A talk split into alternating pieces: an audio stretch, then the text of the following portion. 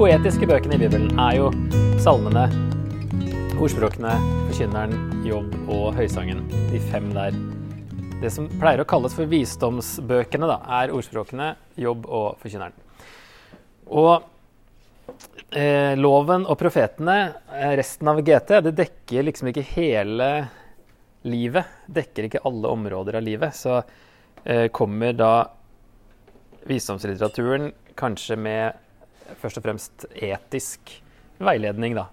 Som eh, ikke alltid tas av eh, Altså lov, Mosloven dekker jo ikke alt i livet. Det er mer sånn dagligdagse ting i ordspråkene. Som har med familie å gjøre, det har med, med penger å gjøre, det har med tunga å gjøre, og det har med veldig mye forskjellig. Alkohol, og det er masse forskjellige temaer som går med på sånne dagligdagse ting. Og så viser jo ordspråkene hvordan ting vanligvis går i denne verden. Og så tar forkynneren og jobb unntakene når ting ikke går som man skulle kanskje forvente. Så 90% kanskje av livet dekkes av ordspråkene, eller 90% av menneskenes liv. Det er noen som eh, dessverre får litt for mye av den siste 10 i eget liv da, i forhold til andre. Men eh, vi har heldigvis jobb og forkynneren som også tar de eh, Snakker om hvor, når livet er frustrerende, og når livet ikke er så eh, rett fram og lett som det kan høres ut da, i ordspråkene. Ordspråkene spenner jo over minst 200 år, siden den starter Det er jo Salomo som er liksom hovedmannen bak det. Men så er det, som vi skal se snart, eh, flere ordspråk, ordtak, senere som eh, ikke er av Salomo, som er, eller som er av Salomo på Hiskias tid. Og det er jo i hvert fall på kanskje Hvis det er etter ja, rundt år 700, kanskje. da. Salomo døde rundt år 930, så det er jo godt over 200 år i hvert fall. Og så er det enda noe mer på slutten som, som ikke er eh, knytta til Salomo som person. Men alt det her visdomslitteraturen er liksom i Salomos eh, tradisjon, på en måte, da. Um, sånn at det, i hvert fall er det i Salomos tradisjon, akkurat som David ble liksom uh, far for salmene, så ble Salomo liksom faren til uh, visdommen. Det er også en apokryf bok som heter Salomos visdom, eller Visdommens bok. Som da på ingen måte er skrevet av Salomo, eh, mye senere, men fortsatt knytta til Salomo. Så det er jo innsikt samla opp over mange år om hvordan eh, det er lurt å leve. Og det er mye snakk om den vise eller den kloke opp imot den tåpelige, den dåren, som det bildet her prøver å illustrere. da. Eller de dumme, som det står i den nyeste her. De dumme forakter formaning og visdom. Men visdom i Bibelen handler jo ikke om IQ. Den er viktig, og det skal vi definere mer. Det handler ikke om å vite masse ting, men det handler om å leve. Vel, har veldig mye med etikk å gjøre, da. Livsstil. Når det gjelder de her poetiske bøkene, så er det et sitat av en som heter Packer, som uh, sa at uh, Psalms teach us how to worship, Proverbs how to behave, Job how to suffer, Song of Solomon how to love, Ecclesiastes, altså forkynneren, how to live. At det er litt sånn forskjellig aspekt på de fem poetiske bøkene, da. Så nå er det altså hvordan oppføre seg i ordspråkene. Ok, jeg var en tur inne på podkastlista under religion på iTunes. Det var ganske mye som gikk på sånne visdomsting. Hvor kan man få visdom? Um, forskjellige guruer og andre, både Buddhist Society of Western Australia og The Sadguru Podcast. og uh, Life Hammer, altså kategori visdom. Wisdom for life, heter det. Jeg lurer på hva slags visdom de her to kommer med, men det, hørte, det så interessant ut. mm. Og her er til og med talk gnosis, altså gnostisk visdom. Mm. Så det er masse visdom som tilbys da, rundt omkring. Hva slags visdom er det de tilbyr? Det er jo mye forskjellig. Men er, i Vesten så er det ofte en sånn tanke om at østlig I Østen, der har de skjønt det. Der har de liksom sannheten når det gjelder visdom. Så det er litt sånn derre At buddhisme og guruer og sånn får lett innpass da, i Vesten òg, fordi det virker som at det er så gammelt. og der har de, liksom, der har de sikkert skjønt det. Og så er det ordspråkene og Bibelens visdom da, opp mot dette her. Som er ganske annerledes, egentlig, det som kommer fra, fra ordspråkene. 'Sjamanen og presten' er en podkast her. Ja, så det var en del forskjellige ting her, altså. Um, you can heal your life. Så De glir jo over i self-help-kategorien, det her. Eh, mye av det her visdommen som, eh, som eh, tilbys, da. Så eh, En som heter Derek Kidner, han har skrevet eh, en kommentar også om ordspråkene, og skrevet eh, mye om visdomslitteraturen generelt. Han sier om ordspråkene at It is a book which seldom takes you to church. Like its own figure of wisdom. Altså det er en, en dame som visdommen altså personifiseres som en dame. Like its own figure of wisdom, it calls across to you in the street about some everyday matter, or points things out at home. Its function in scripture is to put godliness into working clothes. Så det er veldig sånn praktisk, egentlig. Og så må vi bare, nå I introen her så prøve å vise at det handler ikke bare om gammel visdom, at det lønner seg å leve sånn, men at det er knytta sammen med eh, Gud og en relasjon med Gud. Da. Det er det som gjør det annerledes i ordspråkene. Så hvis vi skal prøve å definere liksom, bibelsk visdom, så er det, kan man si at det er anvendt kunnskap, praktisk visdom, eller bare rett og slett gudfryktige liv. Så det er litt annerledes kanskje allerede enn typisk sånn guruvisdom. Selv om det er jo selvfølgelig praktisk og sånt der òg. Men det handler da ikke, om å, ikke engang om å kunne disse ordspråkene og, og ha skjønt dem, men det handler om å, å, leve etter dem, da. Som for så vidt gjelder hele Bibelen. Men uh, det er uh, kanskje ikke det første vi tenker på når det kommer til ordspråkene. At, at, det har med en relasjon med Gud å gjøre, og at det har, handler om gudfryktige liv. Det høres så vanlig ut. Og det er også noen ordtak her som, som uh, er veldig like noen egyptiske ordtak. Og da tenker vi hvorfor står de, hvorfor står de nesten helt det samme i Bibelen? Hva gjør det her mer riktig enn de egyptiske, som er ca. det samme? Og det er da hele boka egentlig gir en sånn eh, Knytter det sammen med Gud i denne introduksjonen, som er de første ni kapitlene. Så de her korte ordspråkene de begynner egentlig ikke før i kapittel ti. De som er sånn én linje, eller et par linjer. Som er ordspråket av Salomo først, da, fra kapittel 10 og inn i kapittel 22. Men før det så er det en introduksjon av Salomo eh, som vi må ha som grunnlag før vi kommer på de enkeltordspråkene. Så den er veldig viktig. Og så kommer det da de ordspråk av kalles bare de vise i, ut i kapittel 22 til ut kapittel 24. Og der, da, der det da ligner veldig på noen egyptiske ordspråk fra ca. samme tid. Og er det da henta inn i ordspråkene i boka her. Men settes, altså med den introduksjonen så, så, så, settes det likevel i en teologisk ramme, selv om det da også finnes tilsvarende i andre religioner. Så vil det si at det, er, det finnes bra ting i andre religioner også, men at det her settes inn i en relasjon med Gud.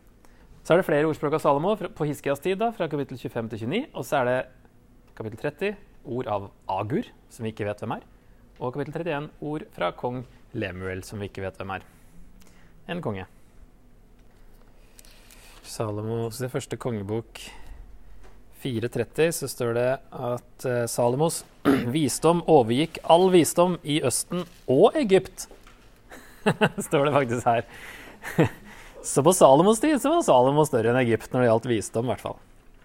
Han var visere enn noe annet menneske, visere enn Etan av Esra-ætten og Mahols sønner Heman, Kalkol og Darda. Hans navn var kjent blant alle folkeslagene rundt omkring. Salomo formet 3000 ordspråk. Det er ikke så mange i denne boka her. Og tallet på hans sanger var 1005. Det var bare én salme som, er, som står skrevet av Salomo. Er det to, kanskje? To salmer. Men han har skrevet 1005 sanger. Han diktet om trærne, om sederen på Libanon, til isoppen som vokser ut av muren, og han talte om fe og fugler, krypdyr og fisker. De kom fra alle folkeslag for å høre Salomos visdom, fra alle kongene på jorden som hadde hørt om hans visdom. Så han var kjent, da. Så det, det er liksom, ja, Man vet ikke helt hvilken vei det har gått, den påvirkninga. Åpningen av boka 1-7 den er viktig for eh, første Ikke bare er kapittel 1-9 viktig, men første sju versene er også viktig og gir også da eh, poenget med boka. Ordspråk fra Salomo, står det her. Sønn av David og konge i Israel. Så med en gang så kobles det jo på Guds historie med Israel her. Og kongen. Dette er ikke bare tilfeldige gullkorn, men det har med Gud å gjøre. Det har med Guds historie å gjøre. Og så står det hensikten til å gi kunnskap om visdom og formaning, til å forstå forstandige ord, til å ta imot formaning som gir innsikt om ærlighet, rettferd og rett, til å gi uvitende vett og den unge kunnskap og omtanke.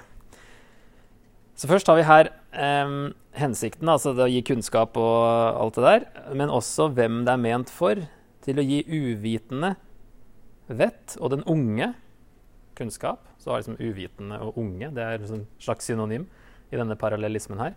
Siden man må jo lære visdom. At unge hadde jo ikke like mye visdom som den eldre. Men eh, vers 5 sier òg at den vise skal lytte og øke sin lærdom. Den kloke lære å bruke sin tanke.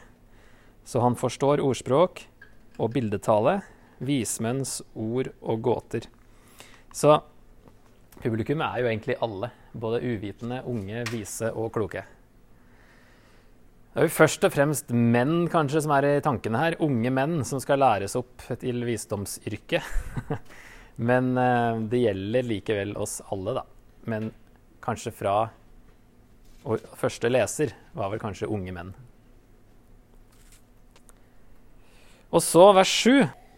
Det er veldig viktig vers, for der står det at å frykte Herren er begynnelsen til kunnskap. Så det grunnleggende her, hele start, startpunktet, er å frykte Herren. Ellers så får du ikke kunnskap. Det hjelper ikke å kunne boka utenat hvis du ikke frykter Herren. Da er det ikke visdom i bibelsk forstand, eller kunnskap i bibelsk forstand. Og så ser vi at å frykte Herren er begynnelsen til kunnskap. De dumme forakter formaning og visdom. Så å frykte Herren står som det motsatte av å forakte formaning og visdom. Du har ikke en sånn Når du leser den første linja i vers 7 Eller hvis du leser den andre linja i vers 7 De dumme forakter formaning og visdom. Så skulle du tenke at det sto noe om de vise i første linje. Men det gjør det ikke. Det står bare at å frykte Herren er begynnelsen til kunnskap. Og den som er vis, skjønner det. At det må begynne der, å frykte Herren. Og så er det ikke det at de dumme ikke finner visdom, eller ikke velger visdom. De forakter visdom. Formaning og visdom. Og dermed forakter de Herren. De avviser denne relasjonen som er fundamental for å få visdom.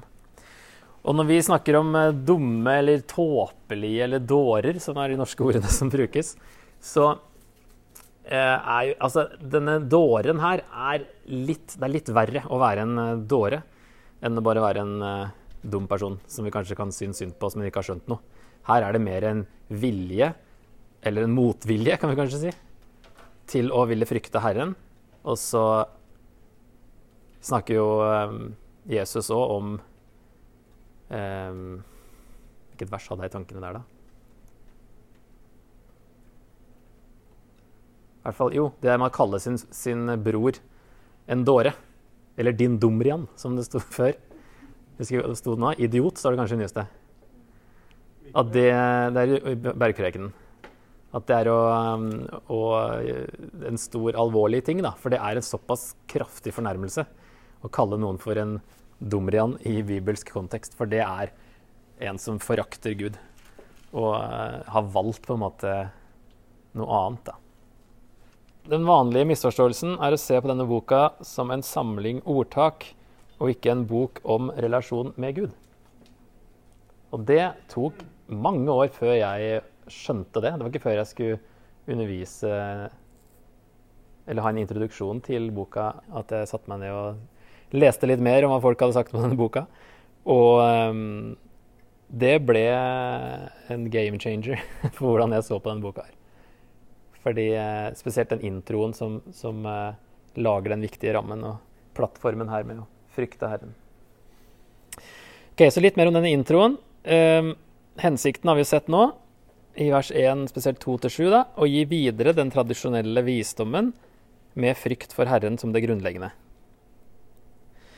Og så, som sagt, lengre ordspråk fra kapittel 10 og utover. Og som sagt også fra en far til en sønn, som det står i vers 8 her. Lytt, min sønn, til din fars formaning. Men så står det også 'forkast ikke rettledning fra din mor'. Så mor er også inne i bildet her. Men kanskje mest Kanskje mest sånn ehm, Ja, det kan være både biologisk og profesjonell far, si, sånn når det gjelder eh, en som skal læres opp da, til et yrke. Men som regel så ble man jo det som faren sin var. Så. Men adressert, ja. Adressert først til unge menn, men gjelder oss alle. Eh, det er noen kvinner her, da, er, fordi det her er adressert til menn, så er det noen kvinner som personifiseres i denne introen her. Det er visdommen, det er den fremmede kvinnen, og det er dårskapen. Det er kvinner.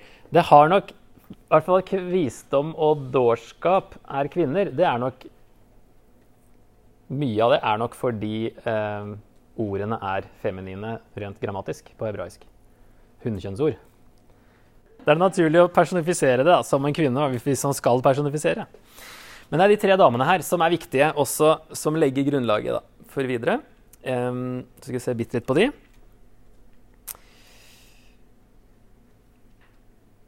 Visdommen først nevnes kapittel 1, kapittel 3, og spesielt i kapittel 8, og så vidt i kapittel 9. Og um, hun assosieres med ærlighet, sannhet, rettferdighet, klokskap, kunnskap, omtanke, innsikt og styrke. Masse positivt. Hun ber oss holde oss unna urett, svik, falskhet, hovmod og stolthet. Spesielt i kapittel 8. Ja, alt det her er kapittel 8. Og spesielt viktig er den herre 8 til 22, eller vers 22 til 31 når, eh, når det står om at eh, visdommen var med i skapelsen.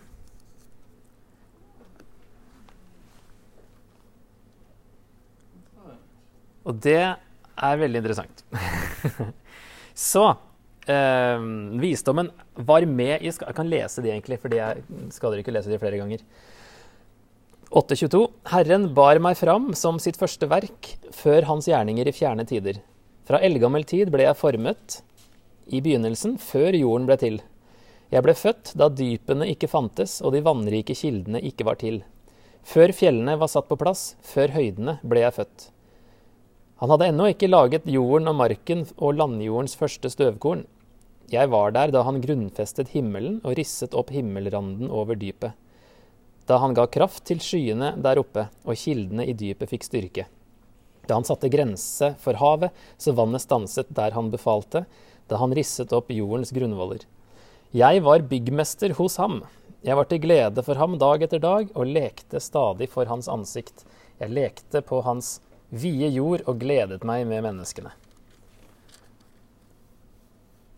Ja, så Det at visdommen var der i starten, og visdommen var med og skapte verden, så kommer det en veldig viktig eh, side her nå.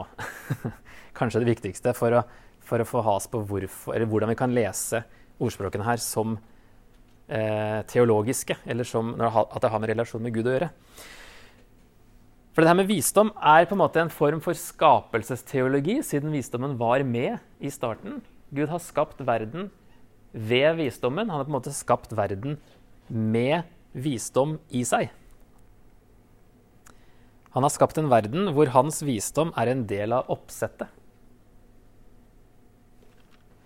Gud kommuniserer gjennom sitt skaperverk, spesielt i denne boka her, da, ved å observere Guds verden og reflektere over dens innebygde moralske orden, kan menneskene utlede tidløse sannheter. Her er metoden i bruk. I observasjonene i boka her så du ser på et eller annet i skaperverket, tenker på det, eller de som skriver, da, tenker på det, kommer fram til en sannhet som gjelder for menneskene.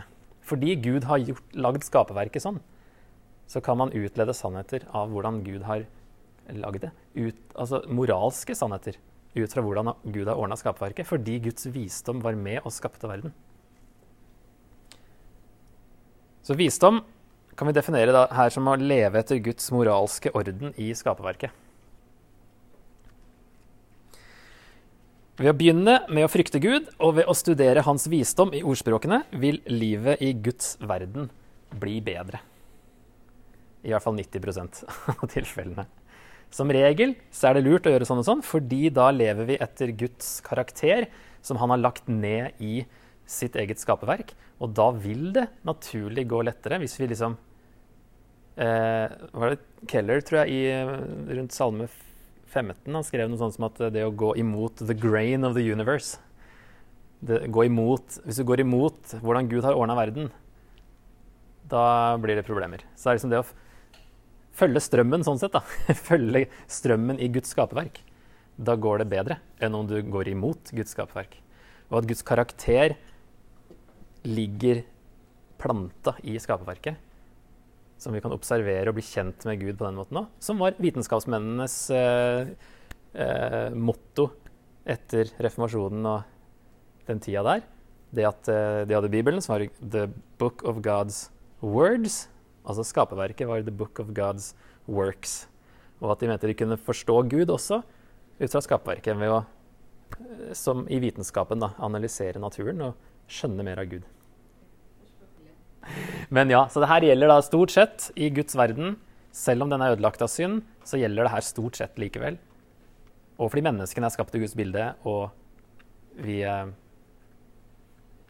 kan gjenkjenne det gode da, fordi Gud har lagt det ned i oss og at det da blir lettere i denne verden hvis man lever etter Guds visdom her i ordspråkene.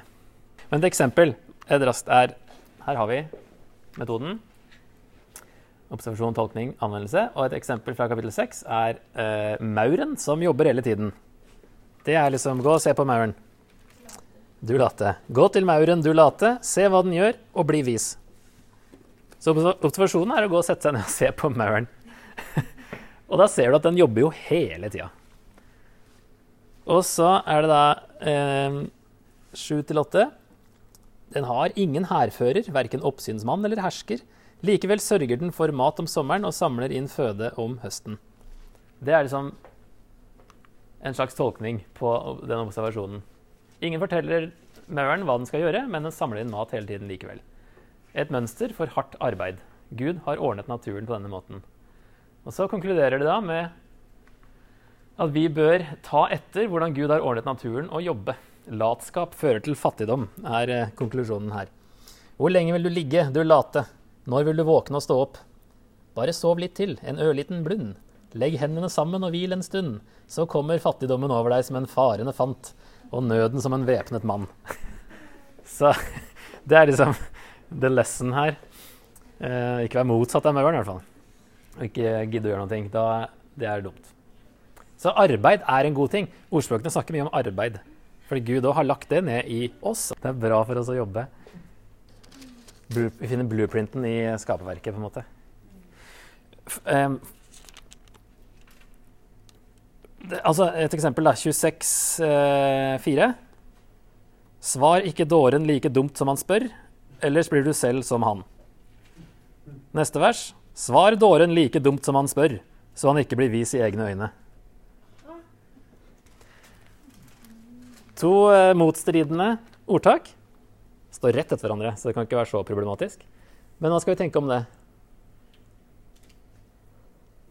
Det kommer an på situasjonen, og det kommer an på Altså um, Også når vi står overfor valg der begge, to, begge valg kan, kan, være moralsk eh, lov, si, ifølge Guds moral, Guds lov. Det her begge to er, er eh, gode valg, Men vi vet ikke helt hvilken som er kanskje klokeste valg. Begge er lov. Kanskje en ikke er like klok som andre.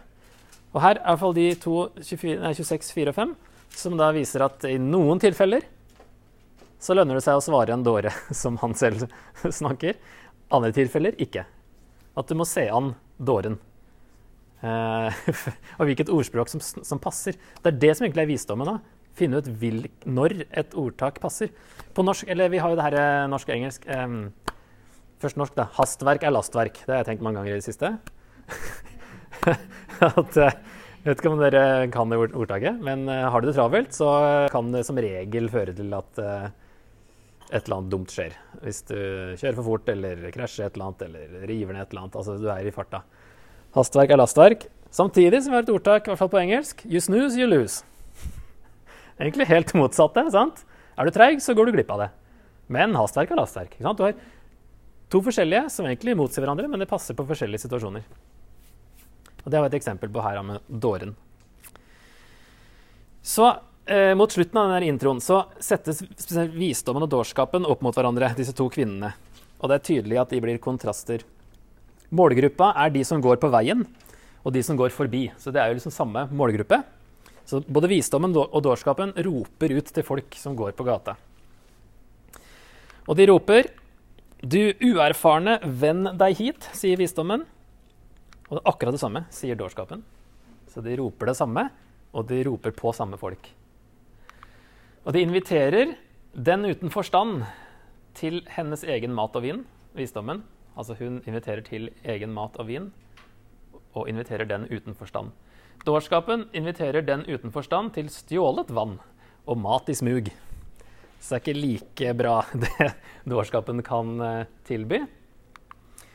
Og de bor, der de bor, kan du se at eh, de, uh, visdommen roper fra høydene i byen, og dårskapen fra øverst i byen. Hva var det som som regel lå øverst i byen? Og på høyden i byen? Tempelet, ja. Så her har vi nok det at det er et valg mellom Gud og avgudene, og at visdommen her er Guds visdom, og så har du mye annen visdom som er fra andre religioner. Eller som må denne her fremmede kvinnen som kommer og prøver å eh, ødelegge ekteskapene, eller få disse unge menn til å eh, gå til prostituerte og litt sånne ting. Det er en tredje kvinne her i starten. Så, eh, og det hang, hang, jo veldig sammen med de andre religionene.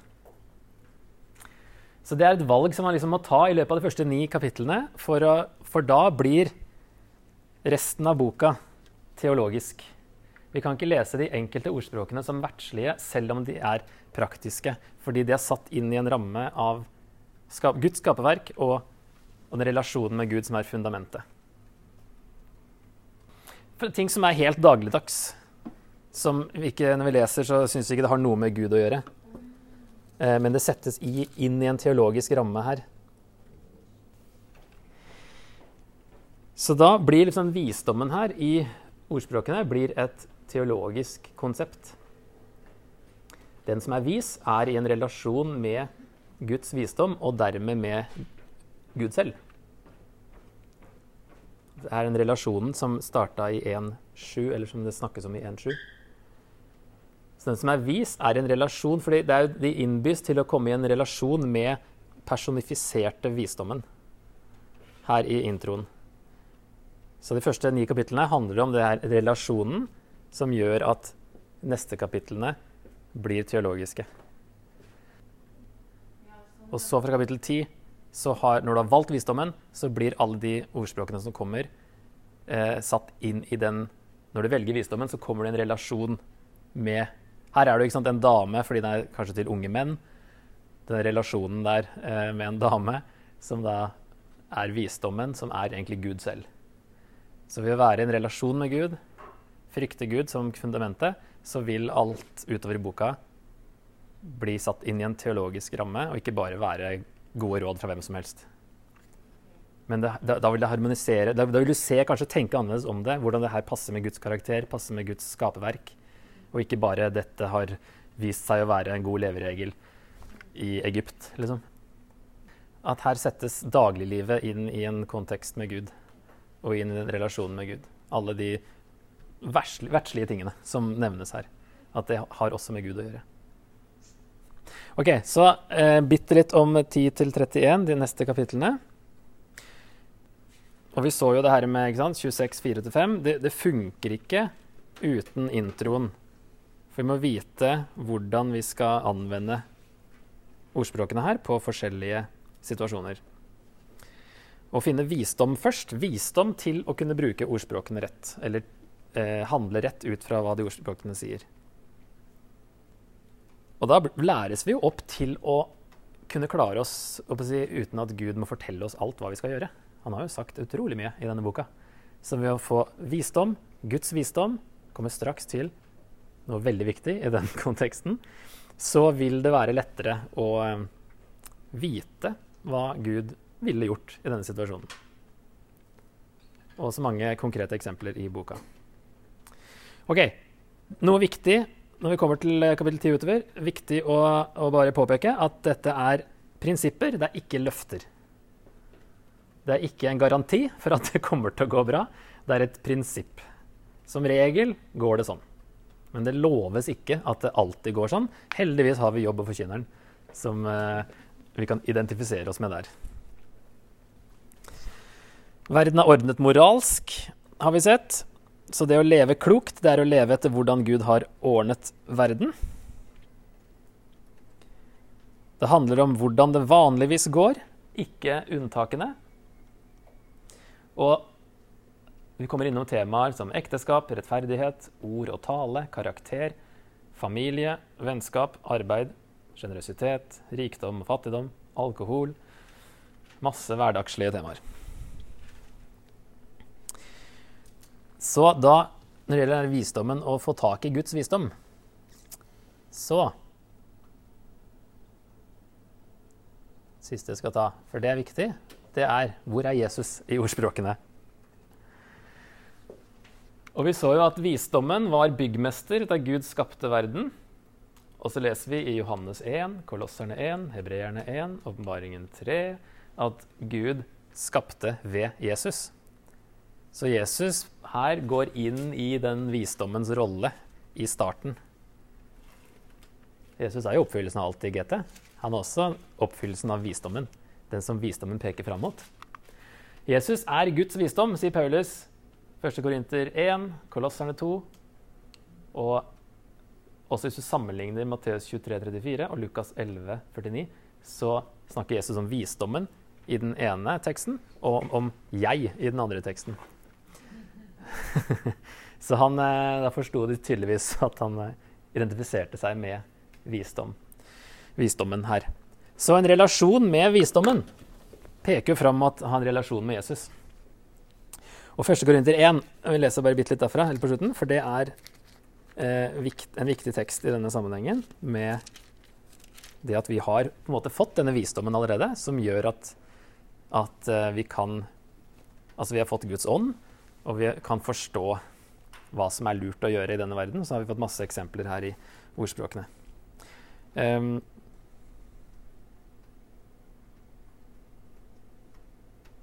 Ja, for det står i vers 1.24 i første Korinterbrev For dem som er kalt, både jøder og grekere, er Kristus Guds kraft og Guds visdom. Kristus er Guds visdom for oss.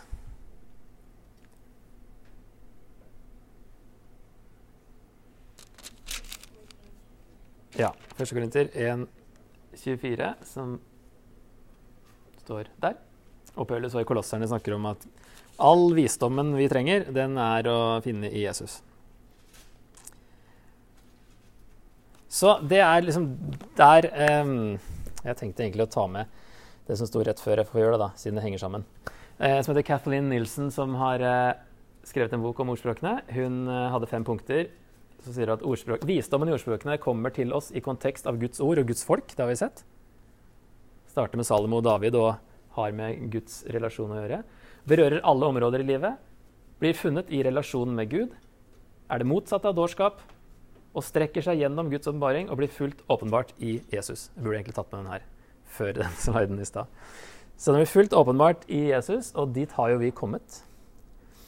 Så eh, har vi mange vers som viser det, at eh, vi har liksom vi, ja, vi er i en relasjon med Guds visdom fordi vi er i en relasjon med Jesus. Det er altså nyttig når man leser ordspråkene, og det snakkes om visdommen og velg visdommen, så handler det ikke om at vi skal bli kloke eller vise eller samle kunnskap og samle visdom. Det handler om at vi er i en relasjon med Jesus, og det handler om å fokusere på den relasjonen. Det er jo å søke visdom. Vi prøver å lese denne boka her òg, såkalt kristosentrisk.